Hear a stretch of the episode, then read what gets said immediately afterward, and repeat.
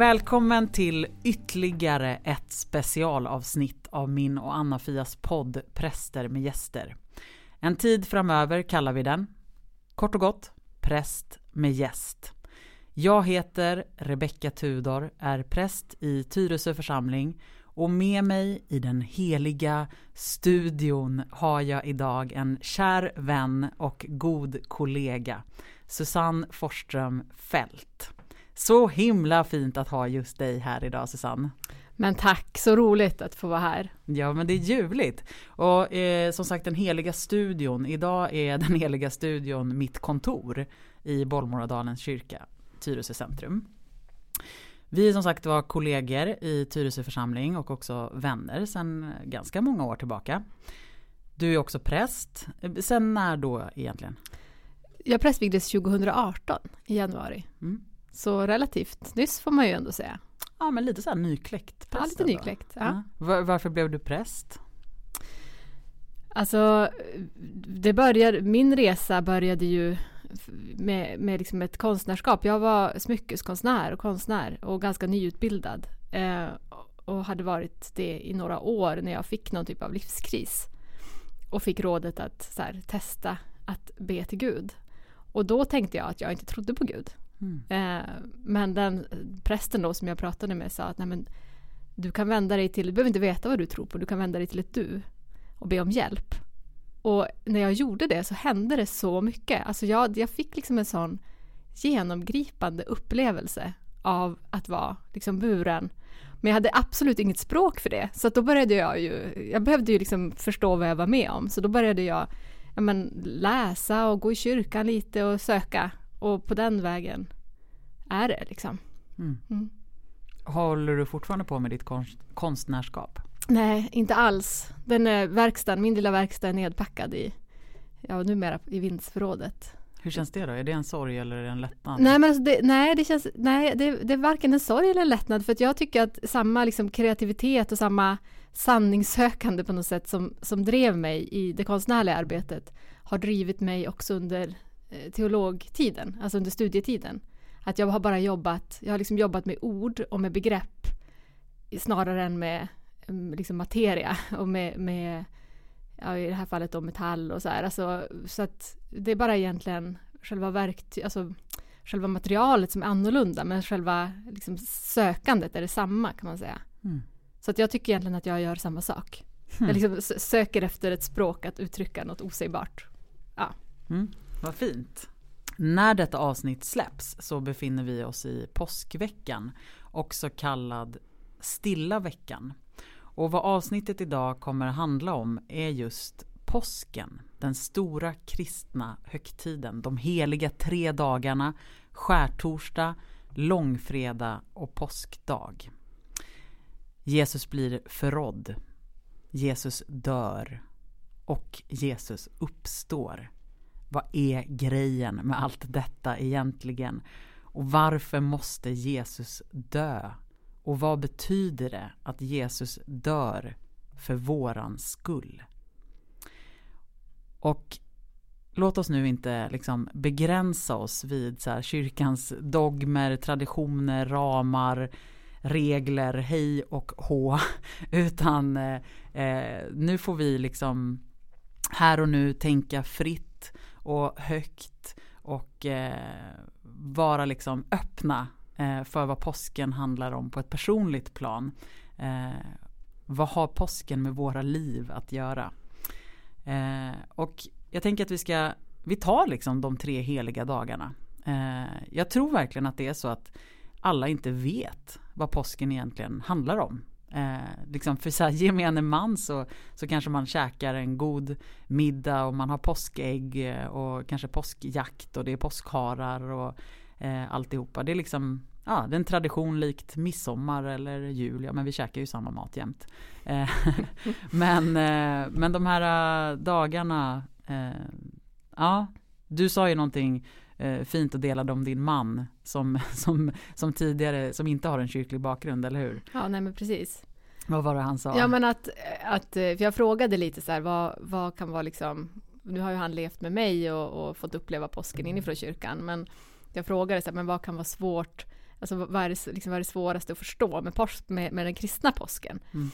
Eh, när man inte är uppvuxen i sammanhanget eller kommer från sammanhanget. Och då tyckte ju han att det var just det här, ja men så här, kontrasten mellan att det i övriga samhället är härligt med, med liksom påskägg och påskgodis och man är ledig och det är sol kanske och, och så här. Men i kyrkan är det superdeppigt.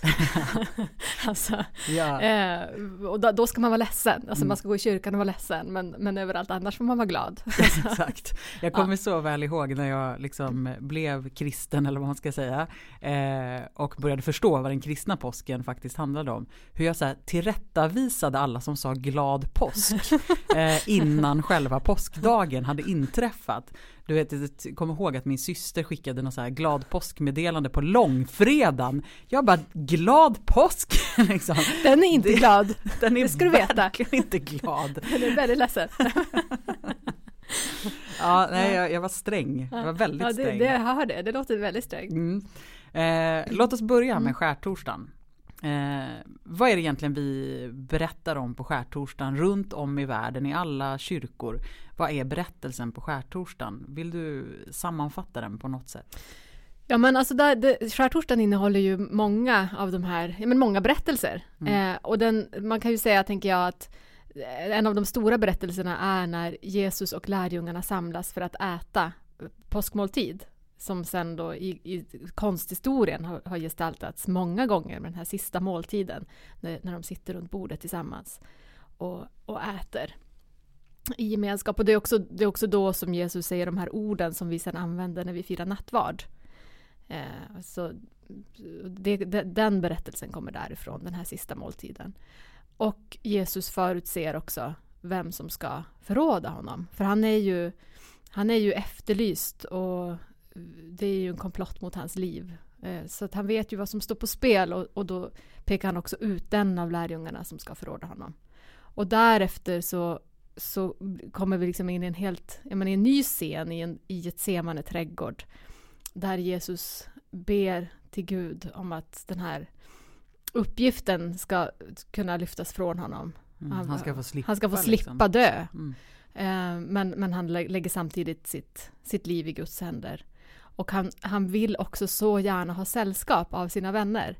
Men de bara somnar. Mm. Alltså de somnar liksom flera gånger. Han är ensam Mm. och, och hans vänner är inte med. Mm. Och sen blir han ju då förrådd eh, med en kyss. För det har, har då Judas, då lärjungen Judas, har kommit överens med, med eh, vakterna som ska arrestera Jesus. Att han ska kyssa den som, som är Jesus då. Så att de ska veta, som ska hitta rätt person. Mm. Så det är ju liksom i stora drag, tänker jag, Mm. berättelsen, mm, skärtorsdagens berättelse. Och i kyrkan gestaltas ju det här eh, ganska dramatiskt. Det är ju en av eh, liksom en väldigt vacker gudstjänst men också en väldigt drabbande gudstjänst. Om man, om man liksom inte är van vid att gå i kyrkan så, så är ju skärtorsdagen väldigt speciell. Eh, och kanske faktiskt en av de gudstjänster och, och mässor jag skulle rekommendera en nybörjare. Så här, börja i skärtorsdagen. Kommer du få vara med om och sen fortsätt i Ja, påskdramat. Men ehm, den gudstjänsten är ju, firar man, man firar mässa just för instiftandet av nattvarden förstås, mässan är viktig. Eh, och sen slutar ju alltid gudstjänsten med att man klär av altaret. Eh, man släcker alla ljus, man dämpar belysningen. Eh, och ibland liksom någon stilla cellomusik eller eh, och Mm. sen lämnar man liksom kyrkorummet i tystnad. Mm. Man säger inget mer. Mm. Och det är någonting med det där, liksom man går ut ur kyrkan och det är liksom inte massa babbel och inget kyrkkaffe efter en skärtorsdagsmässa. Det skulle liksom vara tabu, Ja. förbjudet. Man vill bara lämna, ja men mer liksom, ja men mer den här känslan av, Ja, Men av upptakt ja, på något sätt. ja verkligen. Eh, ja, det, det är tätt. Väldigt, Ja, väldigt. det är det. eh, Sen är det ju den där, eh, för det är ju också en del av berättelsen om hur Jesus tvättar lärjungarnas fötter Mm, under den här sista måltiden, under påskmåltiden. Mm. Och det gör man ju också eh, ibland. Mm. Alltså, det är en symbol då för att vad, bli varandras tjänare. Alltså att Jesus inte håller sig för, för mer nej, än för sina vänner. Nej. Så den är väldigt, den är liksom väldigt fysisk, skärtorsdagen, Mm. kroppslig. Mm. Det kan man ju tycka är lite obehagligt, Ja. tanken på att komma in och vara med i en mässa där man liksom plötsligt ska, liksom, någon annan ska tvätta ens fötter. Ja. Hur känner du inför det Susanne? Eh, nej men jag tycker ju att det verkligen är att gå över någon slags integritetsgräns. så så jag, jag, nu var det ganska länge sedan jag var med i en sån gudstjänst Mm. där det faktiskt var fotatvagning på det sättet. Jag vet ju också att ibland så väljer man ju, ibland är det ju, får man ju se på medans ja, men att det är två stycken medarbetare som, som liksom utför den här riten Mm. inför församlingens liksom, ögon. Att inte alla sitter med varsin balja. Ehm, Och ibland är det ju också precis som vid nattvarden att det är ett moment som man kan Ja, frivilligt gå fram till och, Ja. och få sina fötter tvättade. Ja, men Man precis. måste inte. Nej, precis. Och det är ju och det är kanske det bästa. Eh, men sen Mm. är det ju också, för det händer ju någonting med Ja, det är när man- obehagligt när vi tvingar folk. det är väldigt obehagligt. Vi gör ju sällan det. Eh, nej men ja, det är ju också någonting med att leva sig in i, i, i berättelsen. Alltså Mm. att man lägger det där åt sidan lite och så går man in i det och, och då händer det något. Mm. Alltså, Så att det är ju också ett fint tillfälle Mm. att kanske gå över sina egna integritetsgränser i den Mm. mån man, man vill. Liksom. Ja. Ja men absolut. Eh, och jag tänker också just det här att det är en så eh, Det är en väldigt kroppslig och sinnlig gudstjänst. Eh, och det kanske finns något gott i det. Att eh, som du säger nu. Alltså att också faktiskt våga. Mm. Ja, det Mm. tilltalar mig i alla Ja, fall. nej men det är fint. Och det är, eftersom vi är så mycket i huvudet Mm, eh, ändå, trots att vi ju, ja men, vi är med med våra kroppar i viss mån. Det är Mm. också skönheten med att få tillhöra en, en, liksom en världsreligion, att den också är kroppslig. Men, men ändå så är, vi, är den mycket i huvudet. Och, och det är fint med de här momenten där kroppen får vara med. mm. Ja. Vad är det liksom för dig Susanne? Vad är det starkaste med, med skärtorsdagens evangelium? Eh, alltså vad är det? Vad är liksom the message för dig? Ja men jag vet inte riktigt, alltså jag tycker att det är så, det är, det är några starka grejer. Alltså dels är det det här med den här måltiden. Mm. För det tänker jag också är någonting, alltså det är ju någonting universellt. Hur vi samlas runt mat tillsammans. Mm. Och alltså vi samlas runt det som vi måste ha för att få liv. Mm. Och vi vill göra det ihop. Det tycker jag är, det, det talar väldigt mycket till mig. Alltså det här att inte glömma bort att Alltså, be- att inte glömma bort behovet av det gemensamma, alltså av gemenskap. Mm. Att, det, är- att det är helt centralt. Mm. Och sen också det som Jesus säger att eh, i, i, na- i nattvardens instiftande, alltså att brödet vi bryter är en delaktighet av Kristi kropp. Det är liksom, ja det, det, det är vackert tycker jag. Mm. Ehm, Och fortsättningen, Ja, så och är fortsättning. vi liksom många, Ja. en enda kropp. ja, till alla får vi del av ett och samma bröd. Alltså att det Mm. säger någonting, det säger liksom någonting som går, också som går bortom det partikulärt kristna sammanhanget. Alltså för Mm. att det här brödet får vi alla. Det blir något universellt. Mm. Alltså att vi alla får en del av Kristus. Mm. Det, det, och, och, att vi sitter ihop med varandra. Mm. Det, det är starkt för mig. Men också den här stunden i Getsemane trädgård. Mm. Med den här ensamheten. Och Mm. lärjungarna somnar och han är där ensam. Och, Eh, tillbaka till måltiden bara. För att jag tänker också att där, där fångar vi verkligen någonting, just den här, ja, men som du säger, det är någonting ja, men det är någonting som gäller alla på något sätt. Den här, eh, ja, men vi, vi kan alla förstå vad det innebär att sitta vid ett bord och dela en måltidsgemenskap. Liksom. Eh, och att det är någonting, ja men det kan jag tycka är så oerhört vackert att det är liksom ett av våra sakrament. Mm. Alltså en, en helig handling, Mm. att dela måltid med varandra. Och att nattvarden ju, ju faktiskt är det. Det är Mm. en kärleksmåltid. Eh, som vi delar med varandra. Och sen i riten så kanske det inte alltid upplevs som en måltid. Eh, det är liksom, vi sitter ju inte runt ett Nej, bord. det är liksom av, lite avskalat. det är lite avskalat, man går liksom fram och, och får ett eh, torrt litet kex i handen Mm. som man får doppa i lite vin. Mm. Eh, men, men det är ju de facto en måltid vi gestaltar. Mm. Eh, och också på något sätt den, den himmelska måltiden. Liksom. Och att, att Jesus också ju sa till sina lärjungar att ni ska fortsätta med det här. Mm. Ni ska fortsätta dela bröd och vin med varandra. Ni ska fortsätta äta tillsammans. Mm. Och när ni gör det, då lovar jag att jag är med. Ja. Mm. Alltså jag tycker att det är fint att bära med sig in i en vanlig jäkla vardagsmiddag med pannkakor och lingonsylt. ja, visst. Använder jag aldrig till pannkakor men ja, jordgubbssylt Om du gjorde. Ja. Eh, alltså Gud är där, Ja. alltså Gud har lovat att vara med. Alltså så, så, så tänker jag. Ja. ja, men visst. Och att Gud har med våra kroppar att göra. Mm, Det handlar inte om, om våra liksom, perfekta tankar eller, eller liksom, vi äter det där torra kexet och, Mm. och då är Gud där. mm, För det, det är löftet. mm. Anna-Fia brukar ju eh, ofta återkomma i, i den här podden om att hon tycker att det känns som att världen har blivit avförtrollad.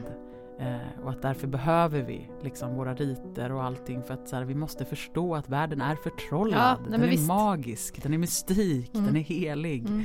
Så här, vi får inte tappa det. Att inte reducera den Nej. bara till det vi kan så fysiskt se och, och veta och räkna Mm. i vår statistikrapport. Nej, Nej, men, alltså det är super, superviktigt. Mm. Och det, det är ju en sån, alltså för mig så, och det tror jag att det har hänt på sista tiden, att, att jag uppfattar liksom att vara vara delaktig i, i en sån här liksom gammal rik religion som en estetisk upplevelse också, Mm. allt mer. Alltså som en skönhetsupplevelse. Mm. Att så här, ja men det här är sant för att det är vackert. Just alltså det är vackert. Mm. Det är underbart.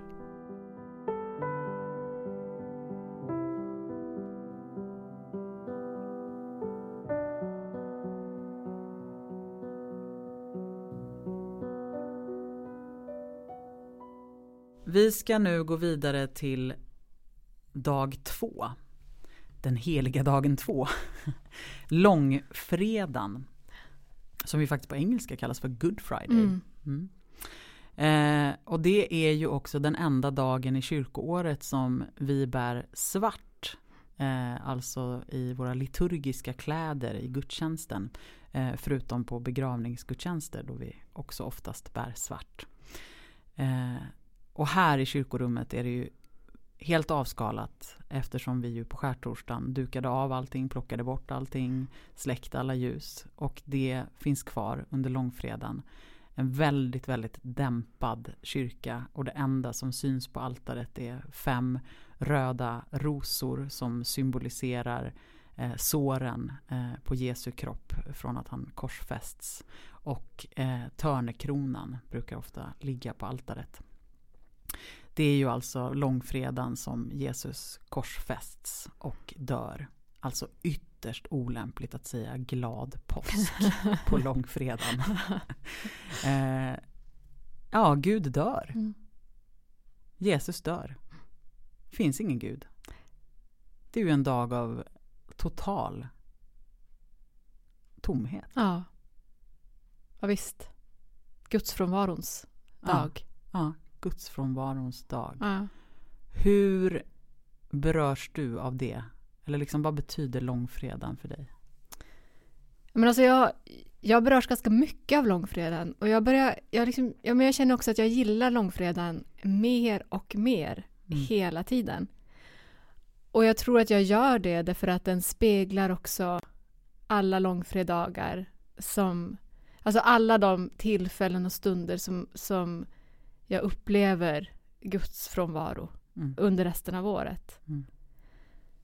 Eh, så långfredagen blir ju, långfredagen tar ju på allvar erfarenheten av att, att Gud är borta, att Gud inte finns. Mm.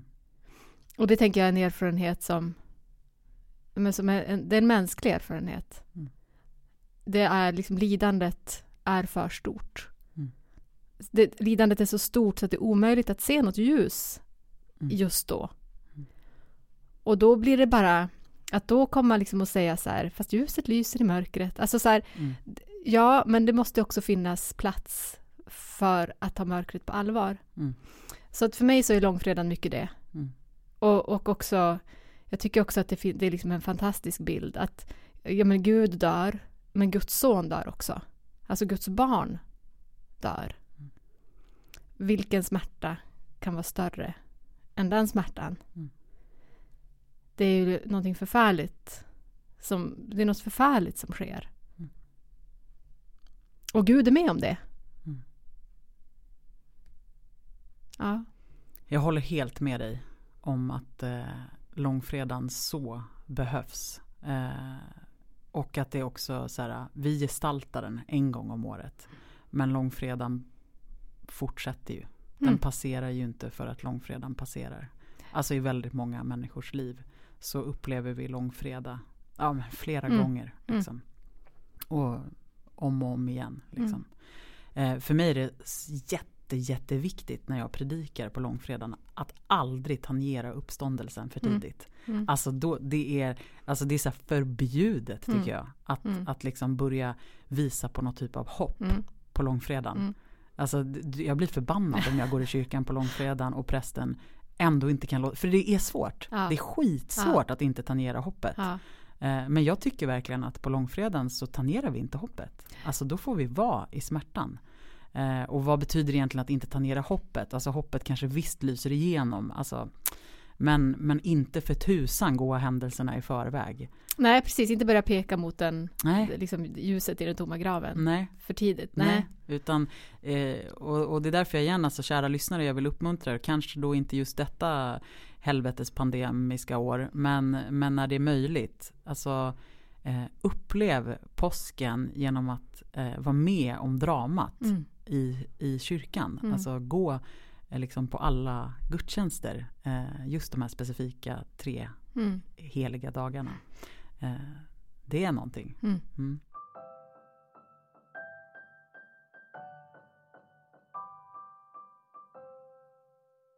Nu måste vi verkligen ta tag i den här frågan.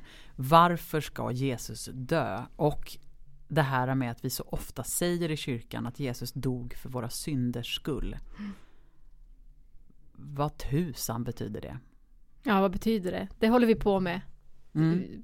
ofta tycker jag och, och försöker bena i på olika sätt i våra predikningar och det är ju Mm. så, så central Mm. te- Ja men ibland kan det teologisk tes. nästan kännas liksom lite slentrian att vi, att vi uttrycker det. Men, men jag tror att det är väldigt många människor som inte förstår det och som blir lite provocerade. Ja, med rätta kan man ju tycka. Med rätta. Ja, Ja. För vad är det för straffande Gud som Ja. kräver blodshämnd och sen nöjer sig med sitt eget barn?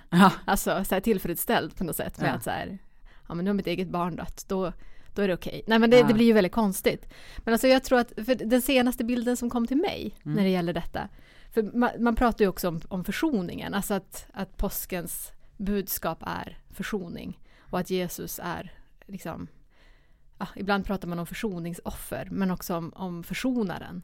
Mm. Och, och det, det, liksom den senaste tanken som, som blev viktig för mig, den handlar om, om egentligen om hela den, eh, ja men he, hela den, liksom, den bibliska historien av att Gud har hopp om att människan ska vara god, alltså att, män, ja, men att mänskligheten ska vara god och hela tiden bli besviken. Alltså att, att människan gör liksom uppror mot Guds vilja och beter sig illa.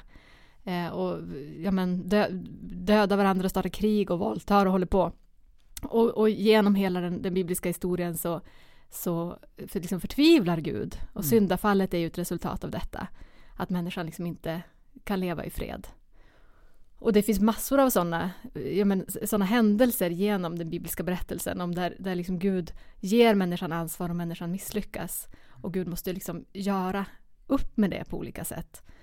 Och i, i, i, det här, i den här berättelsen så är, ställs det liksom på sin spets. Alltså Gud ger sitt eget, liksom, allting har misslyckats, människan har inte bättrat sig. Och, och till sist så ger Gud liksom det viktigaste som Gud kan ge, sitt eget barn. Mm. För att vi ska fatta liksom. Och vad händer? Jo, människan gör liksom precis lika illa som alltid och, och så korsfäster Guds barn Mm. Dödar Guds barn. Och vad händer då? Så här, hur svarar Gud på det?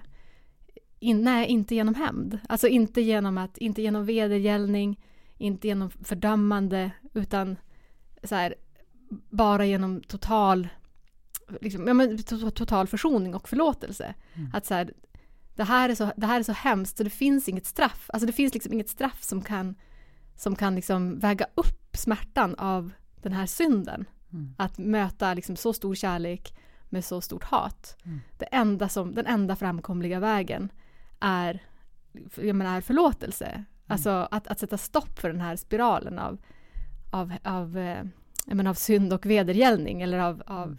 ondska och, Mm. och, och mer ondska eller vad man ska säga. Mm. Hat helt enkelt. Och, och att, att det blir slutpunkten. Mm. Alltså och för mig så, den, liksom den berättelsen har liksom fastnat Mm. nu på, ja, bara på sista tiden. Att jag, har, jag lever mig in i det. Det tycker jag är jättefint. Jag tycker att det öppnar upp och gör någonting. Också verkligen att det är fokus på att det är fasen människan som korsfäster Jesus. Ja, Eh, och att eh, även om vår berättelse är att det är liksom Guds vilja att det ska bli så. Eh, det ju en, kan ju likväl vara en efterkonstruktion för att vi ska få ihop vår the story. Liksom. the story. Mm. Ja. Eh, och att då tänka att så här, Gud ger oss den, den största gåvan, liksom en kärleksförklaring.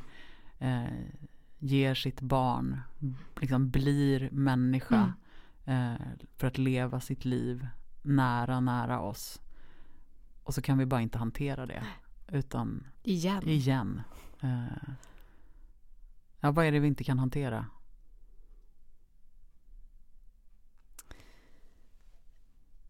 Ja, men, men, alltså, ja, men vi kan liksom kanske inte riktigt hantera människor som, som utan att kompromissa står upp för så här, människans absoluta värde. Mm. Alltså vi, vi vill att det ska finnas en konsekvens för de som gör fel. Mm.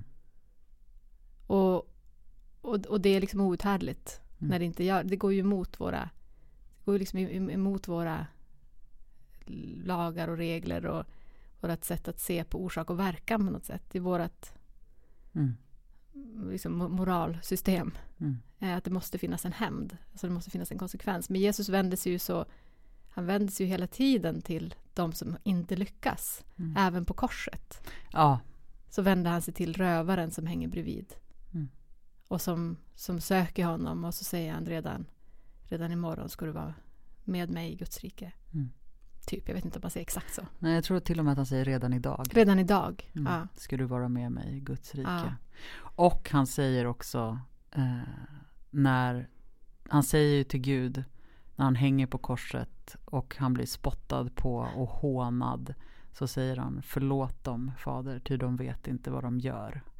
Precis. Eh, ja men förlåtelsen är ju verkligen svaret Ja. Ja, det är det. Och, och, och det har också... Och jag tänker så här, vi måste stanna där. Därför att det har också missbrukats såklart. Mm. Alltså det här så här, ja men Jesus förlät så därför så ska du också förlåta. Mm. Så var nu inte arg Mm. på den som har gjort dig illa, utan förlåt. Vänd andra, det är inte det det handlar om. Utan det handlar om en annan slags förlåtelse och också en, en mänsk, alltså en strukturell förlåtelse tänker jag. Alltså att, att inte låta, alltså att, att inte låta ilskan och hatet bli slutpunkten Mm. i vår analys för världen. Mm. Jag menar, och att, att inte glömma bort att, jag menar att, att jag är också en av dem Alltså, liksom mä- mänsklighetens synd är- är på något sätt inbäddad i våra gener. Mm. På något sätt. Alltså vi, ingen av oss är... Ja, men vi är alla kallade som, som syndare. Mm. Eh, och, och vi får komma som syndare också. Vi, alltså, vi behöver inte... Vi behöver liksom inte kämpa oss till moralisk perfektion för att vara välkomna, utan Mm. vi, vi, vi är förlåtna. Alltså vi är förlåtna även om vi var delaktiga i korsfästelsen. Mm.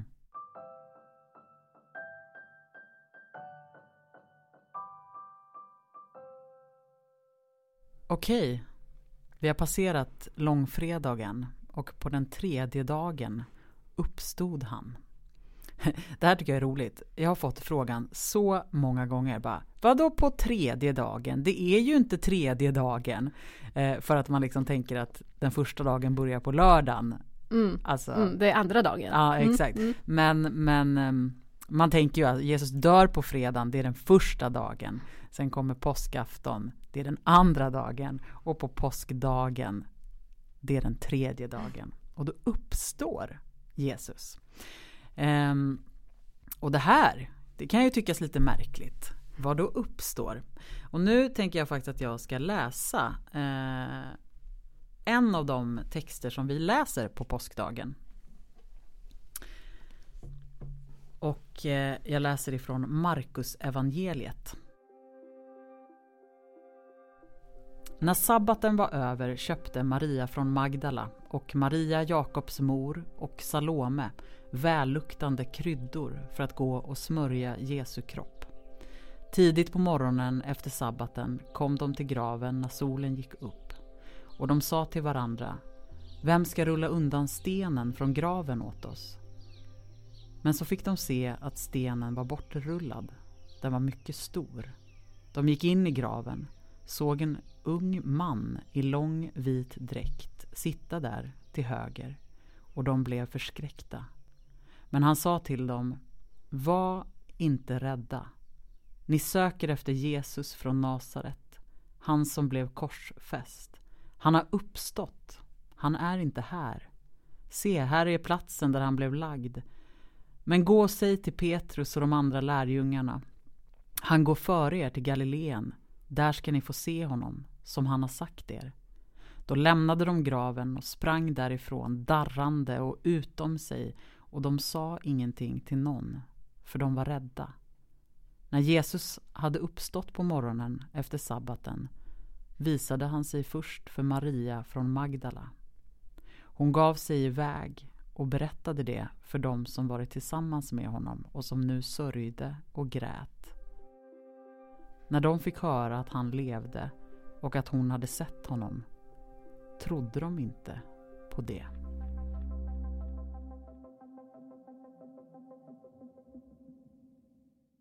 Kvinnorna.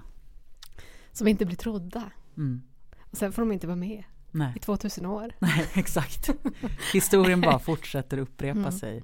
Men det är ta med tusan kvinnorna Mm. som får möta Jesus först. Mm. Den uppståndne Jesus. Och som får, eh, som får budskapet till sig att de ska sprida evangeliet om Jesus uppståndelse. Det är de som är de första apostlarna. Mm.